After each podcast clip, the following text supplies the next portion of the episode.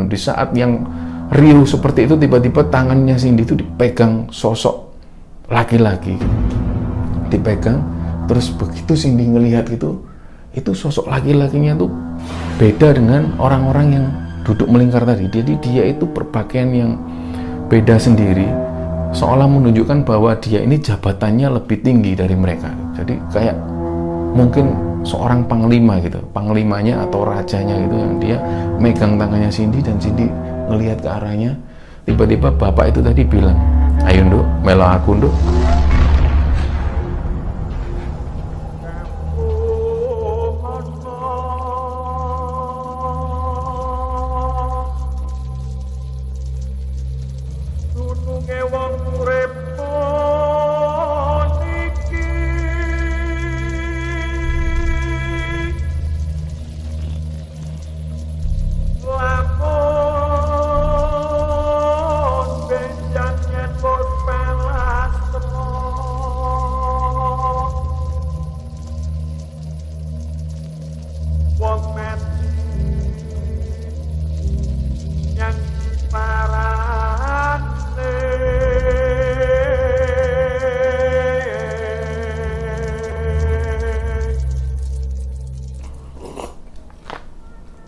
Kali ini kita akan cerita tentang uh, pengalaman Cindy.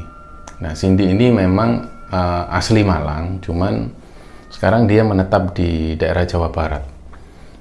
Kisah kali ini kita akan menceritakan tentang pendakian Cindy dan teman-teman menuju ke Gunung Lawu, tapi via Cetau. Jadi Cetau ini adalah nama satu desa juga nama satu candi, sebuah candi gitu yang kalau kita bicara sejarahnya itu memang dulunya ada yang bilang bahwa Candi Cetok ini dibangun di era Raden Brawijaya V. Jadi ketika era terakhir Mojopahit sebelum runtuh itu dibangun di situ. Tapi kita akan cerita pendakian ke Gunung Lawu via Candi Cetok.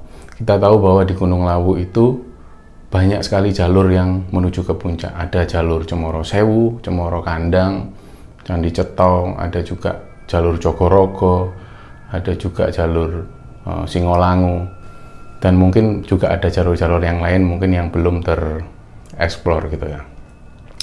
Nah, pendakian Cindy dan teman-teman ini dimulai di tahun 2017 waktu itu. Jadi Gunung Lawu itu gunung dengan ketinggian 3265 meter di atas permukaan laut. Mereka berangkat 10 orang ada lima cowok dan lima cewek. Nah, Cindy ini uh, ditugaskan teman-teman atau dia juga memang suka sebagai trip planner gitu ya. Jadi dia uh, mencoba cari-cari informasi tentang Gunung Lawu itu. Dia observasi, lihat-lihat YouTube, IG dan segala macam. Jadi dia lihat perjalanan-perjalanan menuju ke Gunung Lawu itu jalurnya seperti apa. Nah, dia cari-cari itu. Nah, tapi anehnya, selama Cindy itu mencari informasi tentang Gunung Lawu via Ceto itu dia sama sekali tidak dapat info tentang hal mistis yang ada di Gunung Lawu. Nah ini yang merasa dia aneh. Padahal kita tahu bahwa kalau kita uh, sedang mencari info tentang Gunung Lawu pasti akan selalu diarahkan dengan hal-hal yang berhubungan dengan hal-hal yang mistis gitu loh. Tapi saat itu si Cindy itu tidak dapat sama sekali, nggak dapat info soal hal-hal mistis yang ada di Gunung Lawu gitu. Nah, akhirnya berbekal informasi itu yang dia lihat di YouTube dan IG dan segala macam itu dia uh, melaporkan ini ke teman-temannya, dia bikin uh, jadwal dan lain-lain, jadwal perjalanan dan lain-lain. Akhirnya mereka berkumpul di Terminal Arjosari Malang. Jadi sepulang kerja itu Cindy ngumpul menuju ke Terminal Ajosari untuk selanjutnya menuju ke Bungurasi, Terminal Bungurasi yang ada di Surabaya. Mereka nyampe di Terminal Bungurasi itu jam 7 malam waktu itu. Terus karena nunggu teman yang ada di Surabaya waktu itu, dia nunggu sebentar, malam itu mereka berangkat menuju ke uh, sorry, ke Terminal Solo. Jadi semalaman itu mereka ada di bis semalaman itu menuju ke Solo. Nyampe Solo pagi hari terus lanjut ke Candi Cetok itu harus oper dua transportasi lagi lah Jadi dia harus transportasi yang oper dua kali menuju ke Candi Ceto itu. Nah, Candi Ceto itu sendiri ada di ketinggian sekitar 1500 meter di atas permukaan laut. Jadi memang suasananya sejuk, ada pohon-pohon yang tinggi-tinggi gitu, sudah uh, pemandangan yang bagus itu yang membuat Cindy itu dan teman-teman itu melupakan ininya apa uh, rasa capek di jalan itu tadi. Jadi begitu nyampe Candi Ceto, mereka mandi, sarapan, terus packing-packing barang itu, packing-packing barang, terus barang-barang apa yang kurang itu dilengkapi di situ. Kemudian mereka daftar, daftar pendakian untuk 10 orang itu akhirnya mereka berangkat. Mereka berangkat. Awal itu berangkat sekitar jam 10-an itu jam 10 pagi itu mereka berangkat itu dengan situasi yang di situ wisata-wisata ada Candi Ceto itu. Terus mereka menikmati betul suasananya itu bagus banget jalan-jalan yang setapak gitu. Sampai menuju ke pos 1 sebelum pos 1 itu mereka ketemu ada satu candi namanya itu Candi Ketek. Jadi kita uh, Candi Ketek itu di dalam bahasa Indonesia itu candi monyet lah ya. Nah, pada saat itu temennya Cindy, si cowok ini yang namanya Gilang itu, dia itu ngelihat ada burung gitu Ada burung berputar-putar gitu di atas rombongan mereka. Gitu. Burung ini nggak terlalu kecil juga nggak terlalu besar, tapi dia muter-muter gitu di atas rombongan mereka. Terus Gilang bilang gini, Mbak, Mbak, delok enang dukurmu Mbak. Jadi ketika Cindy lihat ke atas itu ternyata burung itu muter-muter di atas mereka terus kemudian turun di depannya persis terus kemudian menghilang gitu. Nah, sampai di titik itu memang Cindy itu belum tahu tentang sejarah ada gunung uh, ada burung jalak dan lain-lain itu dia belum tahu sejarah tentang itu yang dia lihat hanya burung yang berputar terus uh, singgah dan menghilang gitu. Akhirnya dari situ mereka jalan lagi sampai di pos 1 yang namanya pos Mbah Beranti biasanya oh, teman-teman pendaki menyebutnya di pos 1 itu pos Mbah Beranti itu ada kayak bangunan gubuk itu shelter biasanya untuk istirahat sebentar. Nah mereka istirahat di situ sebentar. Istirahat sebentar sebelum melanjutkan lagi ke pos 2. Saat mereka lanjut ke pos 2 itu itu dilihat ada satu pohon besar gitu di pos 2 itu yang diikat dengan kain gitu kan pohon itu disarungi gitu kan, disarungi pohon, eh, sarungi kain gitu. Di pos 2 itu memang situasinya rindang.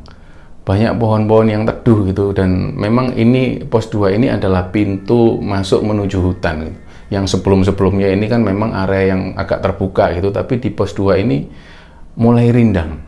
Nah mereka santai di situ lama gitu, masak-masak, ngopi, ngerokok dan lain-lain sampai sholat duhur ini sekitar satu jam lebih lah, sekitar satu jam lebih. Nah pada akhirnya mungkin karena mereka terlena dengan suasana yang sejuk itu, akhirnya Cindy sebagai trip planner ini bilang ke teman-temannya, kita sudah terlambat banyak ini rek, ayo kita lanjut lagi yuk. Nah akhirnya mereka melanjutkan perjalanan.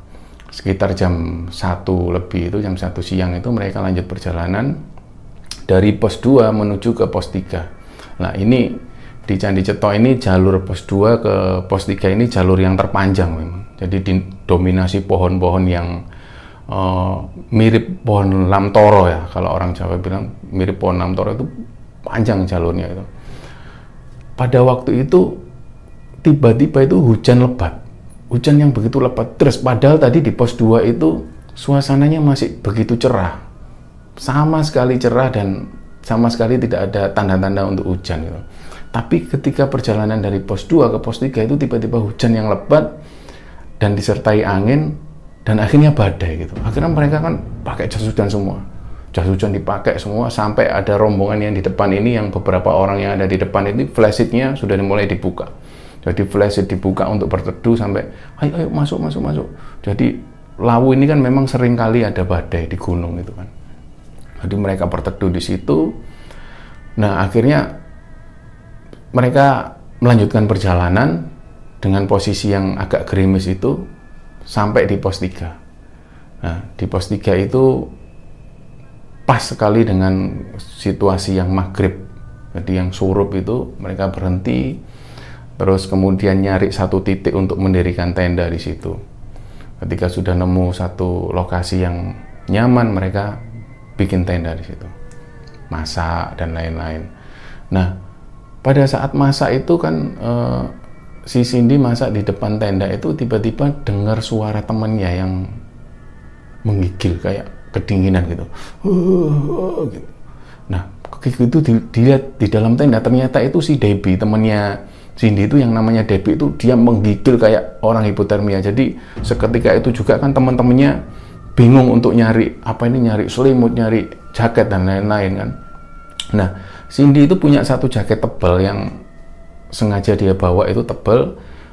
Hari itu dipinjamkan ke Debbie gitu. Jadi dipakai kan langsung ke Debbie terus oh, semua teman-teman yang cewek ini meluk Debbie di dalam itu dan ketika itu si Cindy itu sambil memegang tangannya si Debbie Deb, Deb, Debbie. Tapi si Debbie itu sambil mengigil, uh, sambil mengigau, mengigau yang ngomong nggak jelas gitu kan. Uh, nggak mau, nggak mau. Jadi si Debbie bilang seperti itu. Kenapa Deb? Tiba-tiba Debbie itu pingsan, jelek pingsan. Nah saat situasi yang pingsan itu, Cindy itu megang nadinya itu nadinya Debbie itu ndak ada hilang gitu aja tapi dia masih panik tapi nggak bilang ke teman-temannya Deb istighfar Deb. Istighfar Deb. Cindy bilang seperti itu. Tiba-tiba Debbie sadar lagi menggigil lagi. Ah, nggak nggak mau aku nggak mau ikut nggak mau ikut. Si Debbie cuman mengigau ngigau seperti itu. Akhirnya situasi yang panik seperti itu Cindy memaksa Debbie untuk istighfar. Deb istighfar Deb istighfar Deb. Ayo istighfar yuk. Nah uh, posisi situasi seperti itu kan 10 menit berlangsung sampai akhirnya Debbie kembali sadar. Debbie kembali sadar, terus situasi kembali normal, terus teman-temannya nyodorkan apa ini makanan ke Debbie. Jadi disuapin Debbie dengan nasi dan sop itu yang masih hangat disuapi gitu. Terus karena situasi yang seperti itu yang membuat kepanikan yang Debbie hipotermia itu akhirnya Cindy keluar dari tenda uh, ngajak teman-temannya diskusi kecil gitu. Gimana ini kan uh, Debbie tadi kok situasinya nggak memungkinkan lagi untuk naik karena mereka tujuan mereka ini kan uh, ke Kupak Menjangan. Jadi di Kupak Menjangan itu ada sabana yang harus melewati sabana besar yang cantik itu di Gunung Lawu itu. Sebelum melewati Kupak Menjangan itu mereka melewati bulak peperangan namanya. Nah mereka mau bikin apa ini kayak karya puisi lah di situ. Jadi uh, mereka baca puisi kemudian di video secara sinematik di situ. Nah, karena situasi Debbie yang setelah kena hipotermia itu akhirnya Cindy diskusi sama teman-temannya. Uh, gimana kalau dibagi aja timnya jadi dua, enam orang naik dan empat orang turun. Jadi biar uh, kita tetap bikin karya, tapi juga tidak memaksakan diri gitu loh jadi ada yang nemenin Debbie turun ke bawah gitu. Ya nanti kita bilang ke Debbie kalau kita mau eksplorasi di di desa bawah itulah supaya dia juga nggak kecewa juga gitu loh.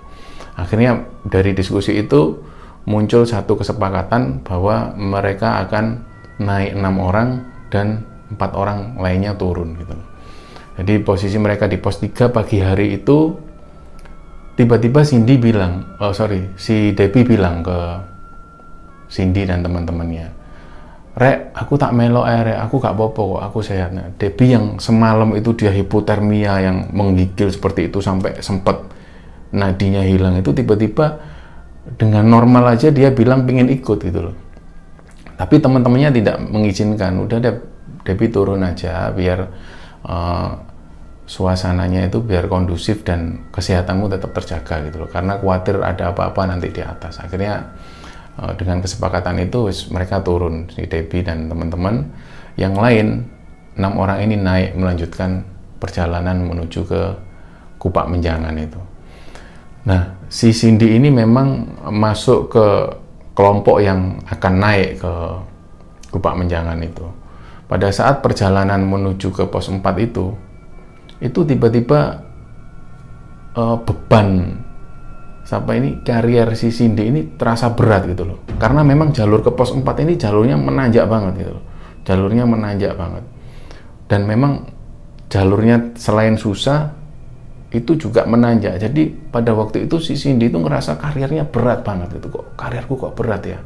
Padahal jaketnya dia yang tebal itu sudah nggak ada di tas karier gitu, yang kemarin dipinjamkan ke Debbie itu. Nah, akhirnya Cindy bilang ke teman-temannya, Rek, aku tak turun aja ya, balik ke pos 3 karena aku nggak enak, nggak enak badan gitu. Dia bilang gitu, karena karirku ngerasa berat gitu. Nah, teman-temannya sepakat, oke, okay, uh, eh, ada salah satu temennya itu yang cowok namanya Gilang itu dia bilang, oke okay, mbak tak antar aja ke pos 3 terus si Cindy bilang udah nggak usah Gilang aku tak jalan sendiri. Terus nggak apa-apa mbak. Akhirnya diantar sama Gilang turun ke pos 3 jadi nggak jadi naik. Ketika nyampe di pos 3 si Gilang temennya ini tadi balik ke melanjutkan perjalanan ke pos 4 untuk nyusul teman-temannya itu. Nah di pos 3 itu akhirnya si Cindy istirahat masak sampai akhirnya memutuskan jam 1 siang itu mereka turun gitu loh. Nah Cindy bilang ke teman-temannya, e, Rek, aku tak jalan di depan aja ya, karena kakiku agak keseleo gitu loh. Jadi nanti biar aku jalanku nggak ketinggalan sama kalian, aku tak jalan di depan gitu. Akhirnya teman-temannya sepakat ya wis.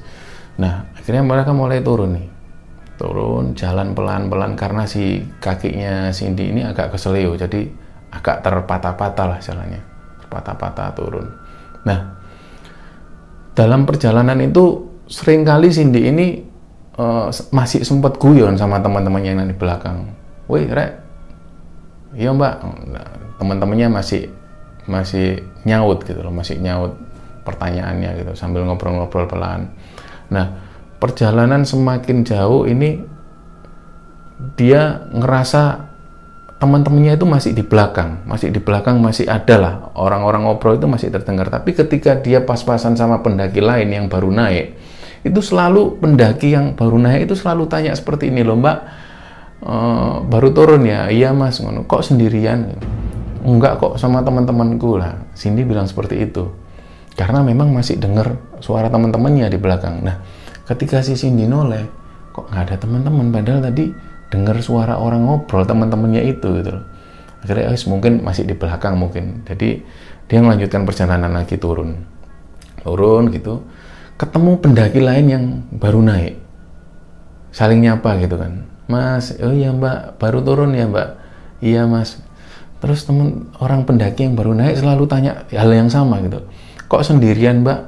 Loh aku sama temanku kok di belakang. Nah pendaki yang baru naik ini juga bingung kan. Padahal dilihatnya itu Cindy itu turun sendirian. Cindy juga bingung padahal baru aja itu dia dengar suara teman-temannya di belakang lagi ngobrol gitu. Sampailah dia di pos 3 itu uh, di pos 1 di pos 1 itu Cindy nyampe di situ itu sempat berhenti. Terus dia baru mikir hening banget gitu loh. Teman-temanku tadi mana ya kok gak ngeliatan apalagi ditambah ada omongan dari pendaki-pendaki yang baru naik itu, Mbak kok sendirian, kok sendirian. Dia mikir itu. Hampir lama, sekitar 45 menit dia diam di situ. Akhirnya dia new peluit itu. Tit, tit. Nggak ada yang balas peluitnya Cindy itu tadi. Tit, tit. Ditunggu lama, 45 menit lebih itu. Akhirnya teman-temannya datang. Teman-temannya datang itu tapi sambil marah ke Cindy. Mbak, gimana sih Mbak? Kok jalannya cepet banget gitu? Kita sampai ketinggalan jauh sama sampean. Tak panggil-panggil sampai nggak noleh ke belakang. Akhirnya kita kehilangan jejaknya sampean loh. Nah Cindy kan sempat berdebat di situ loh. Aku itu ngerasa turun kalian itu di belakangku ngobrol gitu loh. Tapi entah kenapa ketika aku ketemu pendaki yang baru naik itu kok selalu mereka bilang kenapa kok sendirian mbak? Kenapa kok sendirian mbak? Aku juga heran gitu loh. Padahal kamu kalian udah tahu sendiri kakiku itu keseleo dan aku jalan itu pelan-pelan gitu loh. Akhirnya ya wes lah mbak lah di pos 1 itu situasi mulai gerimis, gerimis, hujan pelan gitu. Akhirnya mereka nunggu sampai sekitar jam 5 sore gitu. Sekitar jam 5 sore mereka mulai jalan lagi ke bawah. Mereka mulai jalan lagi ke bawah pelan-pelan. Nah, mereka melewati candi ketek itu tadi tiba-tiba itu suasana hening gitu dan tiba-tiba obrolan yang tadi mereka sempat guyon-guyon itu tiba-tiba mereka saling diam semua nggak nggak saling bicara satu sama lain. Karena situasi yang candi ketek yang oh, ditutupi kabut tipis gitu terus dengar rolongan-rolongan anjing dari jauh itu wow wow jadi mereka diam gitu nggak ngobrol sama sekali gitu kan. Akhirnya mereka sampai di candi Ceto itu jam 8 malam. Jam 8 malam mereka sampai mandi-mandi masak terus makan malam gitu kan. Nah mereka memang nggak sengaja sengaja nggak tidur karena nunggu teman-teman yang dari atas tadi turun yang dari kupak menjangan gitu. nah ketika teman-teman dari atas tadi turun itu sekitar jam 11 malam.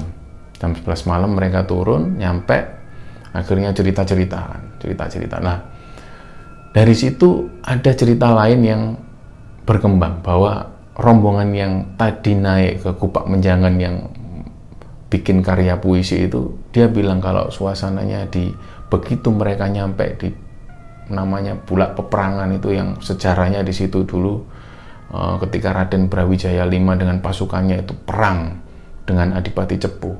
Jadi ada cerita tersendiri tentang Raden Brawijaya V dengan Adipati Cepu karena pada saat itu memang Adipati Cepu itu ngejar-ngejar pasukan Brawijaya juga Raden Brawijaya di situ. Dan di situlah terjadi perang. Di bulak peperangan itu ada padang savana yang luas gitu.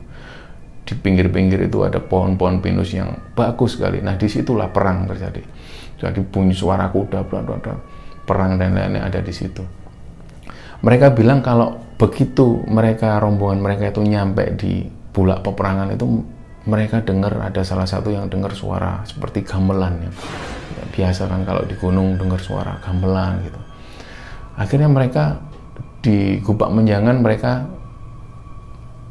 berhasil membuat satu eh, video puisi dokumentasi puisi di situ mereka cerita cuman kejadian aneh yaitu mereka dengar suara gamelan dan dengar suara uh, beberapa kali dengar suara kuda yang berlarian gitu di daerah situ. Akhirnya pada malam itu di pos Ceto itu di pos perizinan itu mereka ngobrol-ngobrol sebentar dan jam 12 malam itu Cindy lihat jam 12 malam akhirnya Cindy nyoba untuk tidur gitu dia nyoba untuk tidur. Pada saat tidur itu antara sadar nggak sadar Cindy ini masih dengar suara teman-teman yang ngobrol yang rame itu kan. Masih dengar tapi dia posisi tertidur tapi agak-agak dengar gitu. Jadi antara sadar nggak sadar itu dia ngimpi dia itu tiba-tiba ada di posisi yang dia ketemu burung yang muter di atas itu. Jadi dia tiba-tiba ngimpi ada di situ sendirian terus dia ngelihat lagi ada burung yang muter di atasnya gitu.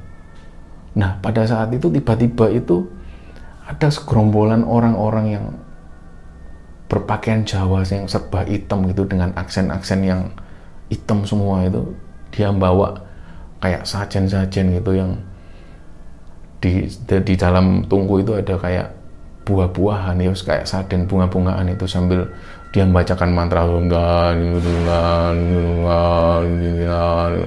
dia itu semakin bingung kan sini aku di mana ini? Tapi dia masih dengar teman-teman yang ngobrol gitu. Tapi dia antara sadar nggak sadar dia ada di lokasi itu. Dia ngelihat rombongan-rombongan itu baris berbaris itu orang-orang dengan pakaian Jawa, laki-laki perempuan itu naik dengan bawa sesajen yang dupa yang masih menyala pun. Jadi sini cuma diem ngelihat orang-orang berpakaian Jawa itu baris berbaris baris sampai panjang gitu. Tiba-tiba ketika dia berpejam matanya itu tiba-tiba dia berpindah lagi di lokasi yang agak terbuka sedikit tapi masih ada di atas Gunung Lawu itu yang agak lokasi yang terbuka itu dia itu melihat ada seorang laki-laki yang dia berpakaian Jawa yang kayak orang seorang pengantin gitu. Dia berpakaian Jawa orang yang ganteng gitu. Terus pakai penutup kepala yang hitam ke atas itu dengan baju Jawa hitam dengan aksen-aksen emas gitu. Dia jalan gitu dang sambil ada alunan-alunan gamelan yang orang-orang nikah. Tapi yang dia semakin ketakutan itu dilihatnya itu orang laki-laki ini dengan pakaian Jawa ini ukurannya dari mulai kota sampai di atas gunung tingginya itu. Jadi dia itu melewati gunung itu seolah tingginya itu sampai di atas langit itu. Jadi lewat dia bilang orang dengan posisi yang besar gitu. Di belakangnya ada sosok perempuan dengan baju Jawa yang pengantin itu juga. Dia ngelewat sambil ngelirik Cindy. Seret gitu lewat. Pada situasi itu dia berpindah lagi di situasi padang sabana ya padang sabana yang luas gitu dengan pohon-pohon pinus tapi posisi yang gelap. Posisi gelap dia ngelihat itu orang-orang yang berbaris tadi berbagai Jawa itu duduk melingkar gitu saling melingkar membuat lingkaran satu sama lain gitu sambil ada sajen di, di tengah itu dia sambil baca-baca mantra dari suara-suara yang seperti itu saling bersahutan gitu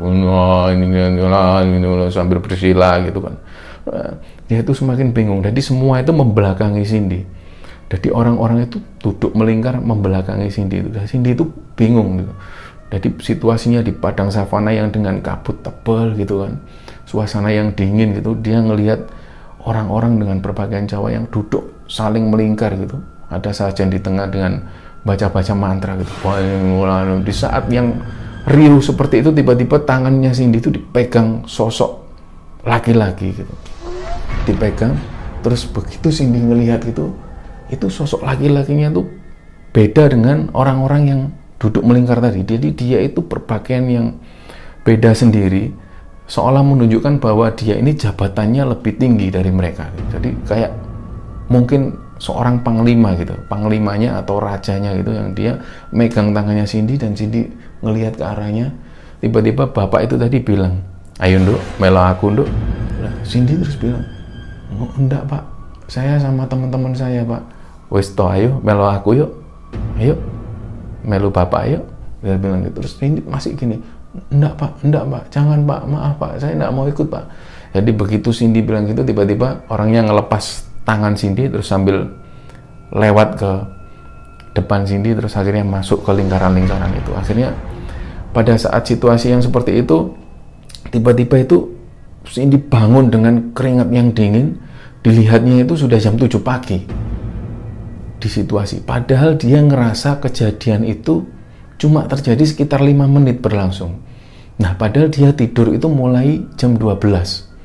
Tiba-tiba itu jam 7 pagi dia sudah terbangun, dilihatnya teman-temannya pada tidur semua, akhirnya dia memutuskan untuk keluar dari base camp itu tadi, pesan kopi dan pesan sarapan sambil dia diem gitu.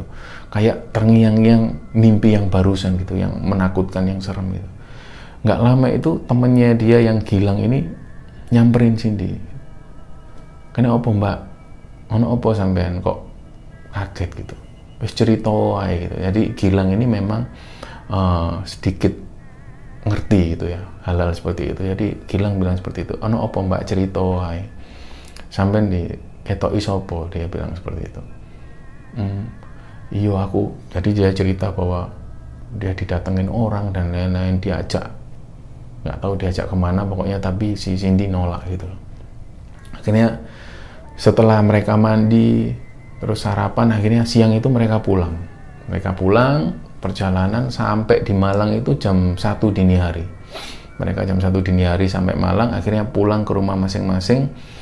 Dan karena uh, masih kepingin ketemu akhirnya malam harinya keesokan harinya itu mereka saling chat WA untuk ketemu lagi gitu. Jadi mereka ingin ngobrol ayo nongkrong yuk di kafe yang sana. Ada satu kafe yang memang biasa mereka nongkrong di situ gitu. ada di rooftop gitu. Mereka suka di situ.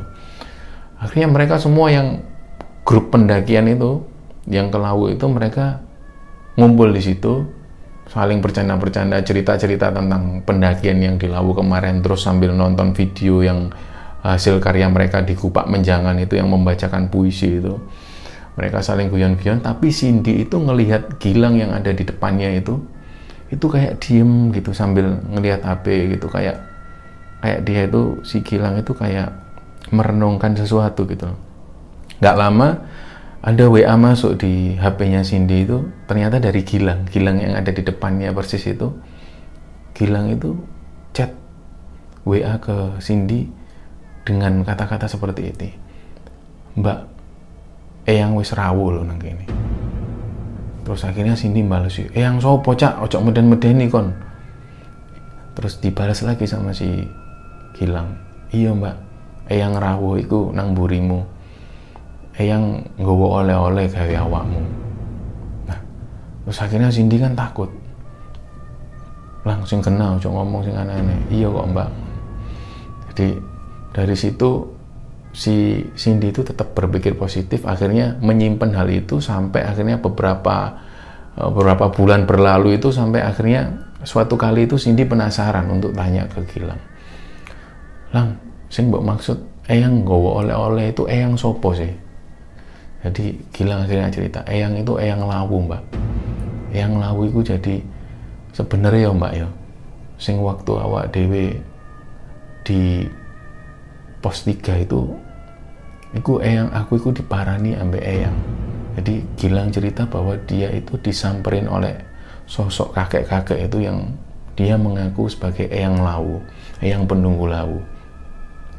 Terus akhirnya uh, Cindy tanya emangnya eyang bawa oleh-oleh apa buat aku?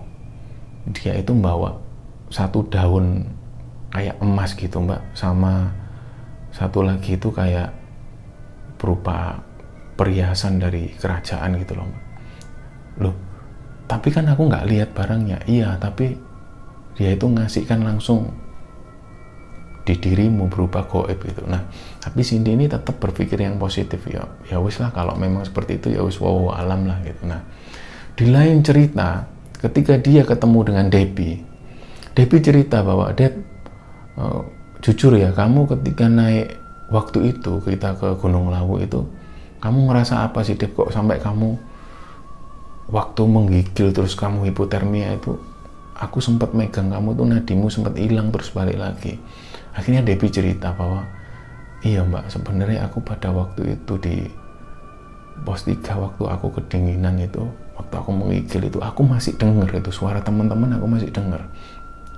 Tapi tiba-tiba itu ada sosok perempuan itu pakai baju Jawa yang cantik gitu. Dia itu datengin aku Debbie dia tuh manggil dari kejauhan awalnya. Debbie ayo melu. Nah Debbie itu begitu ketika melihat sosok perempuan itu nggak tahu tiba-tiba dia itu nggak sadar dan mungkin ya aku hipotermia itu mbak.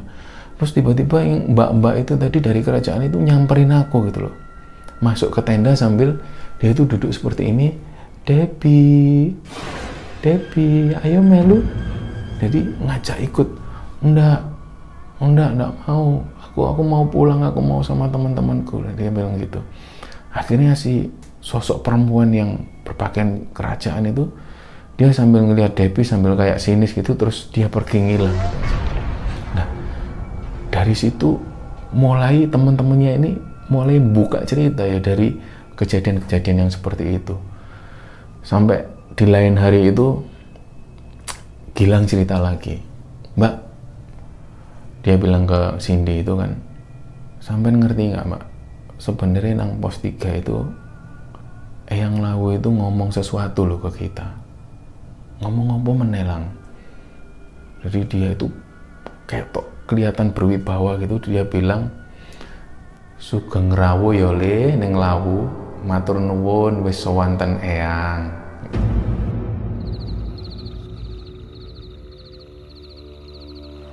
telah kutinggalkan bisingnya dunia di belakang sana. Jauh jauh jauh di belakang sana. Sebentar ia memanggil. Sebentar ia menguap di telan jurang. Dunia tidak serta-merta harus selalu dibawa, Meski sebenarnya dunia hanya sebesar genggaman yang selalu tak ingin dilepaskan. Bertahun-tahun aku belajar menggenggam dunia. Tapi cara menikmatinya adalah dengan melepaskannya. Dan melepaskannya adalah perjalanan panjang menuju kesunyian.